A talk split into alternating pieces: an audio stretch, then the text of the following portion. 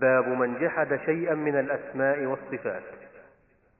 وقول الله تعالى وهم يكفرون بالرحمن. الآية. وفي صحيح البخاري قال علي رضي الله عنه حدثوا الناس بما يعرفون. أتريدون أن يكذب الله ورسوله؟ وروى عبد الرزاق عن معمر عن ابن طاووس عن أبيه عن ابن عباس. أنه رأى رجلا انتفض لما سمع حديثا عن النبي صلى الله عليه وسلم في الصفات استنكارا لذلك. فقال ما فرق هؤلاء؟ يجدون رقة عند محكمه ويهلكون عند متشابهه؟ انتهى. ولما سمعت قريش رسول الله صلى الله عليه وسلم يذكر الرحمن أنكروا ذلك. فأنزل الله فيهم وهم يكفرون بالرحمن. بسم الله الرحمن الرحيم. اللهم صل وسلم على رسول الله وعلى آله وصحبه. أما بعد هذا الباب عقده المؤلف الإمام الشيخ محمد بن عبد الوهاب رحمة الله عليه لبيان وجوب إثبات أسماء الله وصفاته. على الوجه اللائق في الله وأن الواجب على كل مسلم أن يثبت أسماء ربه وصفاته على الوجه اللائق به من غير تحريف ولا تعطيل ولا تكييف ولا تمثيل والا يغتر بأقوال أهل التجهم والاعتزال ومن سار في ركابهم من الباطل والضلال.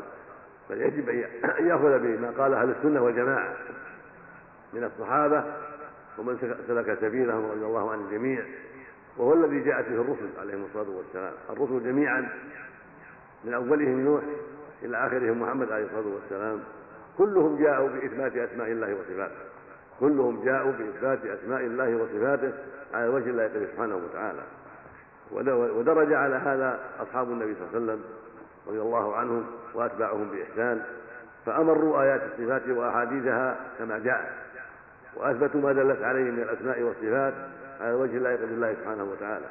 من غير تحريف ولا تعطيل ولا تكييف ولا تمثيل عملا بقول الله عز وجل قل هو الله أحد الله الصمد لم يلد ولم يولد ولم يكن له كفوا أحد. وعملا بقوله سبحانه فلا تضربوا لله الأمثال إن الله يعلم وأنتم لا تعلمون. وعملا بقوله عز وجل ليس كمثله شيء وهو السميع البصير.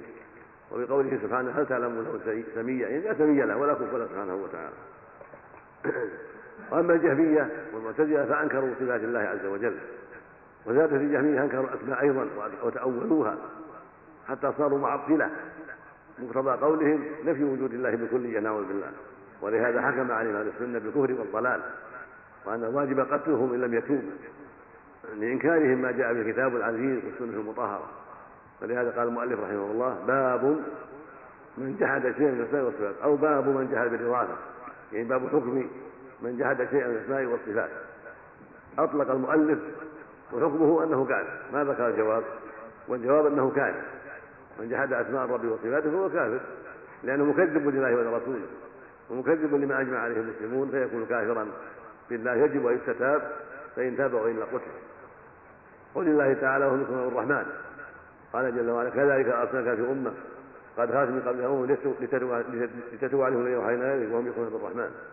قل هو ربي لا إله إلا هو عليه توكلت وإليه متاب بين سبحانه وتعالى أن الرحمن هو ربنا وإلهنا عز وجل. وأن كفر بالرحمن وأن كفرا بالرحمن كفر بالله سبحانه وتعالى. فعلى المؤمن أن يحضر صفات هؤلاء الضالين وأن يبتعد عن أخلاقهم وسيرتهم وأن يسلك مسلك أهل العلم والإيمان في إثبات أسماء الله وصفاته على الوجه على الوجه الله سبحانه وتعالى. وسمى إنكار الصفات كفرا بالرحمن. فدل ذلك على أن من أنكر الصفات فقد كفر بالرحمن. وروى البخاري في صحيحه عن علي رضي الله عنه قال حدثوا الناس بما يعرفون. أتريدون أن يكذب الله ورسوله؟ لفظ البخاري أتحبون أن يكذب الله ورسوله. كان المؤلف رواه بالمعنى. والمعنى في هذا أن الواجب على المذكر والواعظ أن يذكر الناس بالألفاظ التي يعرفونها والأساليب التي يعقلونها حتى يستفيدوا حتى ينتفعوا. كل قوم لهم أساليب. فيحدث العجم بأساليبهم ولغاتهم ويحدث العرب بأساليبهم ولغاتهم حتى يفهموا. حدثوا الناس بما يعرفون. أتحبون أن يكذب الله ورسوله؟ لأنك إذا حدثت قوما بغير ما يفهمون. قد يصدقونك على غير ما أردت. وقد يفهمون غير ما قصدت فأنت عليك أن تحدثهم بما يعرفون. عن أسماء الله عن صفاته وعن أحكامه. إن كانوا ما يفهمون باللغة الإنجليزية خبرهم بها. بالأردية بها.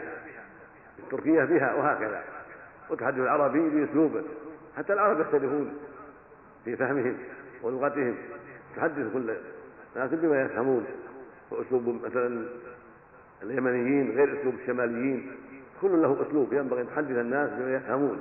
وتجتهد في في ايضاح الأمر باللغة التي يفهمونها والعبارات التي يفهمونها والألفاظ التي اعتادوها حتى يفهموا عنك ما قلت.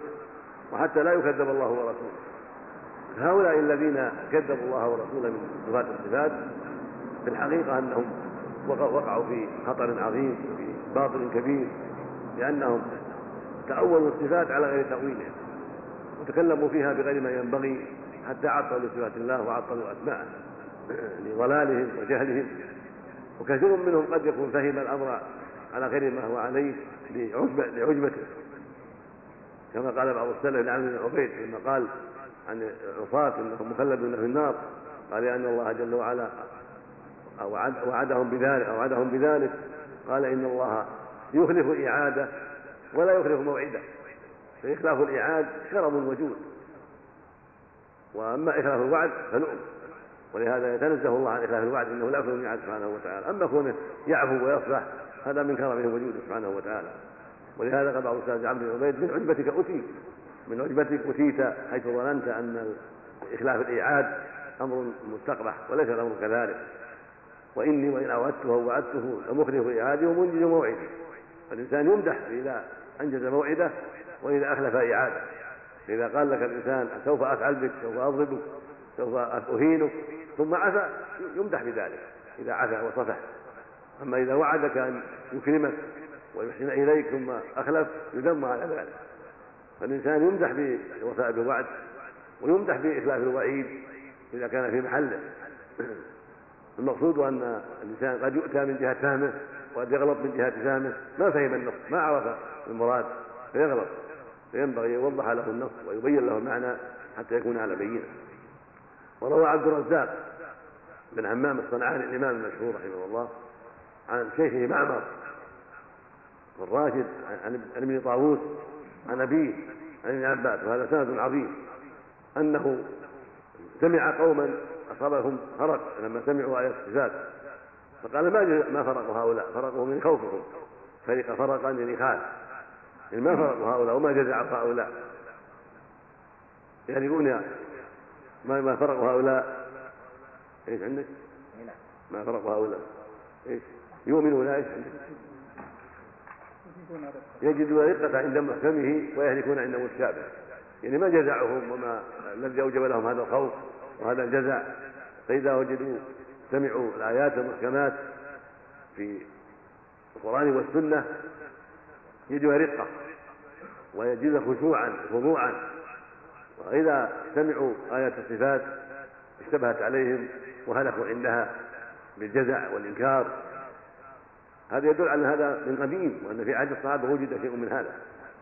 يجب رقة عند محكمه ويكون عند متشابه. يعني يجب رقة عند الأشياء الواضحة. والمعاني الواضحة. وإذا جاءت الأحاديث التي تشتبه عليهم أو الآيات هلكوا بإنكارها أو الشك فيها والريب فيها. فدل ذلك على أن إنكار الصفات وإنكار ما بينه الله لعباده أو الشك في ذلك هلاك. وإنما الحياة والحق والصواب في الإيمان بما جاء أخبر الله به ورسوله. إن كنت فهمت فالحمد لله.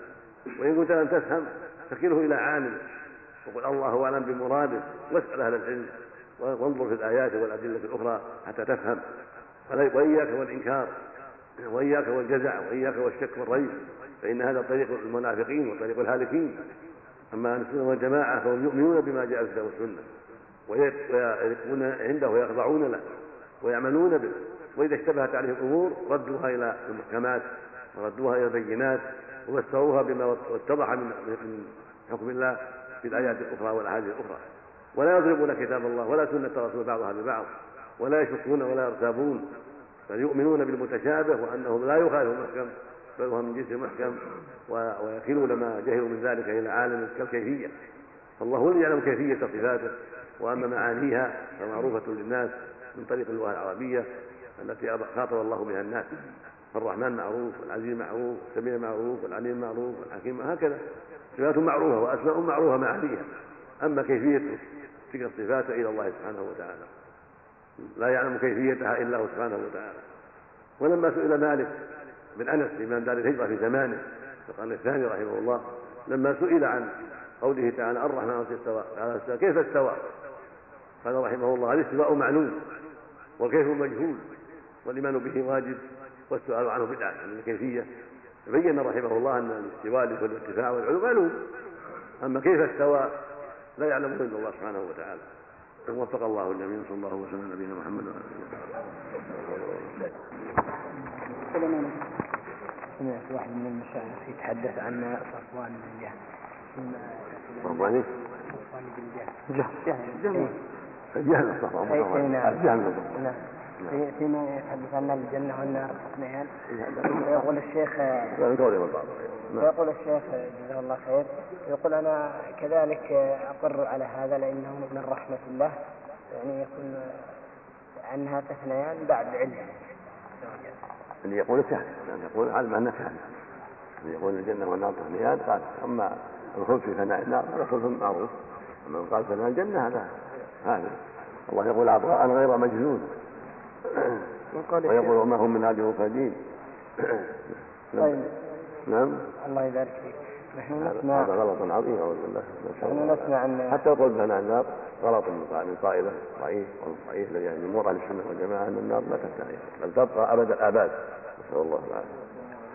طيب نحن نسمع عن عمر رضي الله عنه أنه عندما قبل أن يسلم دفن بنته وهي حية وأداها يروى هذا أمر الجاهليه معروف الاسلام يجب ما قبله الكفر اعظم من ان تبدا بدعه الاسلام يجب ما قبله سواء عمر ولا غير عمر نعم. قال على وسلم وإن الله غفور رحيم يعلم انك كافر ان غفور رحيم للمسلمين مو بالكافرين يطلق عليه انك كافر يا شيخ نعم يعني يصح اني أقول لك انك كافر يقول النبي صلى الله عليه وسلم يقول النبي صلى الله عليه وسلم باب قول الله تعالى يعرفون نعمة الله ثم ينكرونها.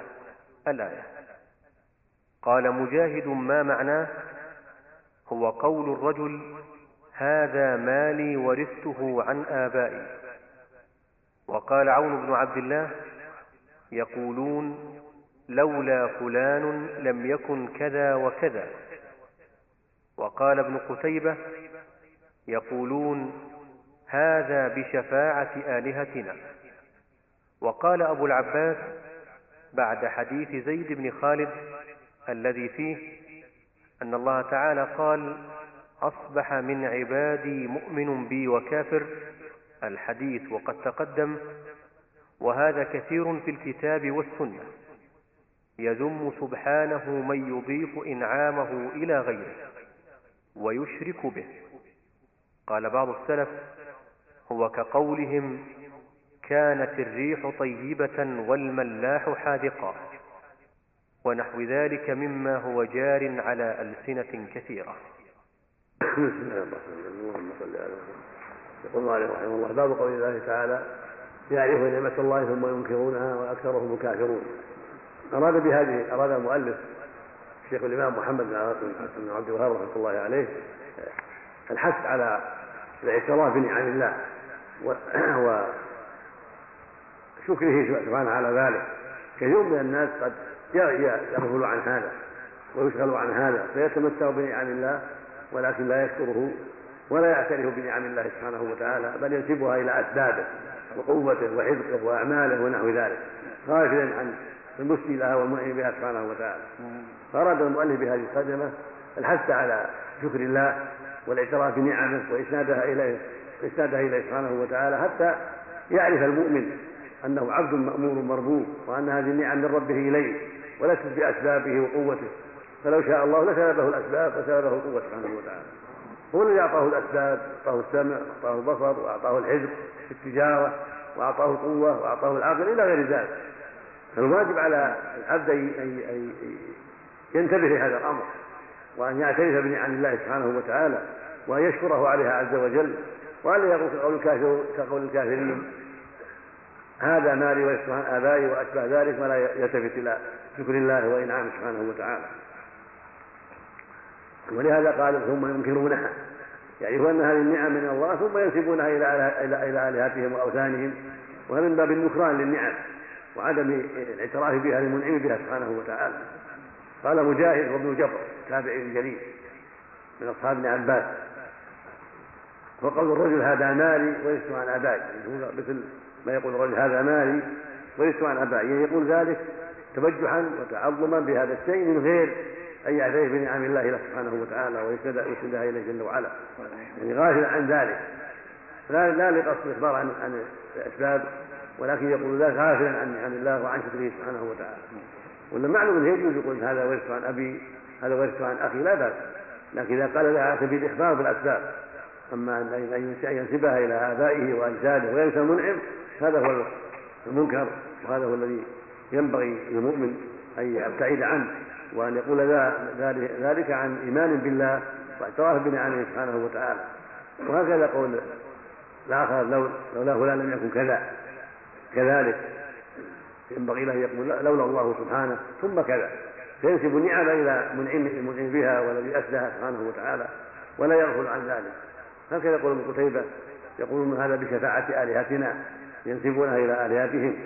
فالمقصود من هذا كله أنه ينبغي المؤمن إذا أخبر عن الأسباب ألا ينسى المنعم الحقيقي فإن الأسباب هو اللي سخرها هو اللي يسرها فإذا كان المال حصل عن بيعه وشرائه أو عن إرثه أو عن هبة أو عن لا يغفل عن كون المنعم هو, هو الله سبحانه وتعالى. والذي يسر الهبة هو يسر البيع والشراء هو الذي يسر الإرث والذي شرع الإرث فكل نعمه سبحانه وتعالى.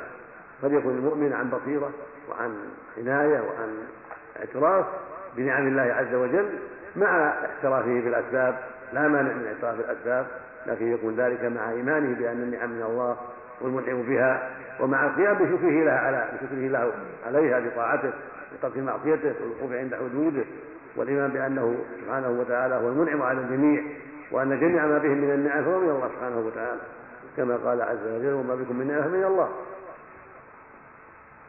وقال أبو العباس بن تيمية شيخ الإسلام رحمة الله عليه على حديث سيد بن خالد الجهني الذي فيه أن الله جل وعلا قال أصبح من عبادي مؤمن بي وكافر. يعني على اثر المطر. فأما من قال مطرنا بفضل الله وحده فهذا مؤمن بكافر بكوكب. وأما من قال مطرنا بنوع كذا وكذا فهذا كافر مؤمن بكوكب. قال أبو العباس هذا كثير من كتاب السنة. يذم سبحانه من يضيف إنعامه إلى غيره والشكر يذم سبحانه من يضيف النعم إلى غيره. فيقول هذا بنوع كذا هذا وجه عن آبائي هذا كذا هذا كذا. عند التبجح بذلك والاعتراف بذلك والفخر على غيره. ولكن يقول هذا من فضل الله ورحمته الله يتفضل بهذا ويسر لنا هذا وهو منعم سبحانه وتعالى. وإذا بين السبب ورث عن أبي أو عن أخي أو عن كذلك مع الاعتراف بفضل الله ورحمته سبحانه وتعالى فهذا لا بأس. كذلك المطر يقول مطرنا بفضل الله ورحمته هذا من فضل الله هذا من جوده وكرمه. لا بنوع كذا ونوع كذا ولا قد صدق نوع كذا أو ما أشبه ذلك. وهذا قال بعض السلف. وقول قول الرجل كانت الريح طيبة والملاح حاذقا يعني إذا صارت السفينة جيدة في السير قالوا كانت الريح طيبة والملاح حاذقا ونفس المنعم سبحانه وتعالى. فالله يسر من جاء بالريح؟ ومن الذي علم الملاح حتى صار حاذقا فينبغي المؤمن أن يلاحظ هذه الأمور مع معرفة الأسباب. يقول لا نعم. الله يسر لنا ريحا طيبة. الله من علينا بريح طيبة. الله يوفقنا بسائر جيد ملاح جيد لا بأس.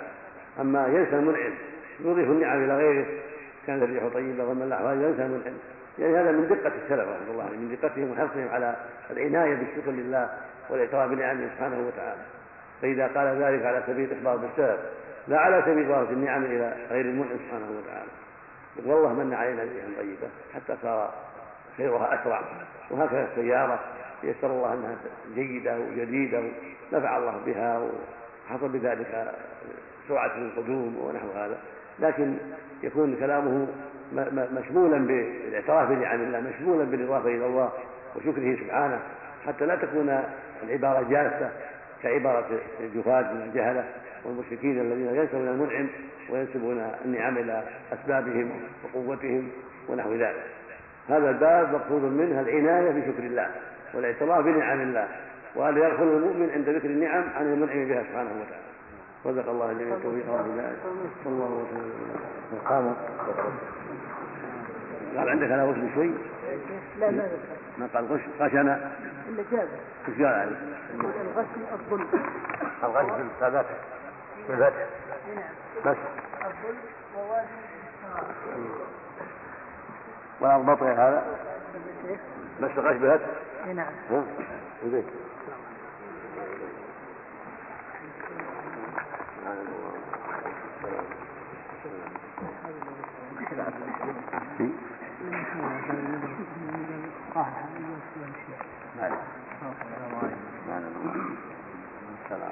السلام عليكم. السلام عليكم. قالوا فيه شركة الأنانية وشركة الزعامة هل هذا موجود شيخ؟ هل هذا صحيح يا شيخ؟ مع انه ما عنده في كتاب السنة والله ما وشركة من الجامعة الإسلامية جاي؟ واحتج عليه بعض الجماعة هذول اللي يعترض ويتكلم ويسمع ورقة شيخ منكم يا شيخ منهم؟ واحد يكون من الجامعة الإسلامية وليس فيه ما أنانية ما سمعت أنا تكبر عن تكبر الزعامة.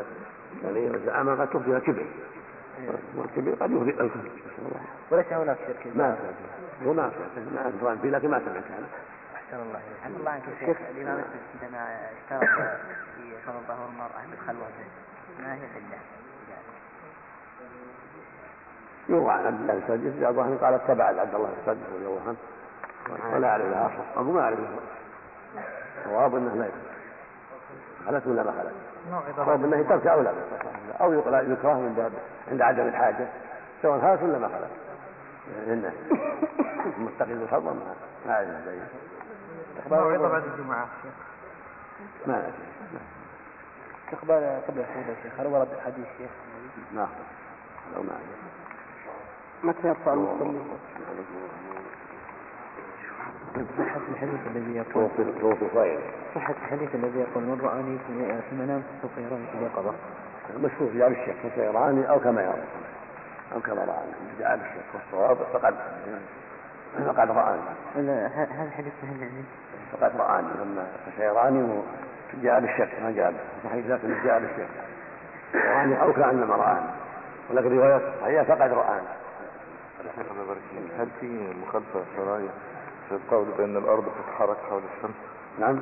بأن الأرض بتلف وبتتحرك حول الشمس، هل دي فيها مخالفة شرعية؟ إيه، الصواب ثابتة بس العلماء يعني أثبتوا التحرك، هل دي فيها مخالفة يعني؟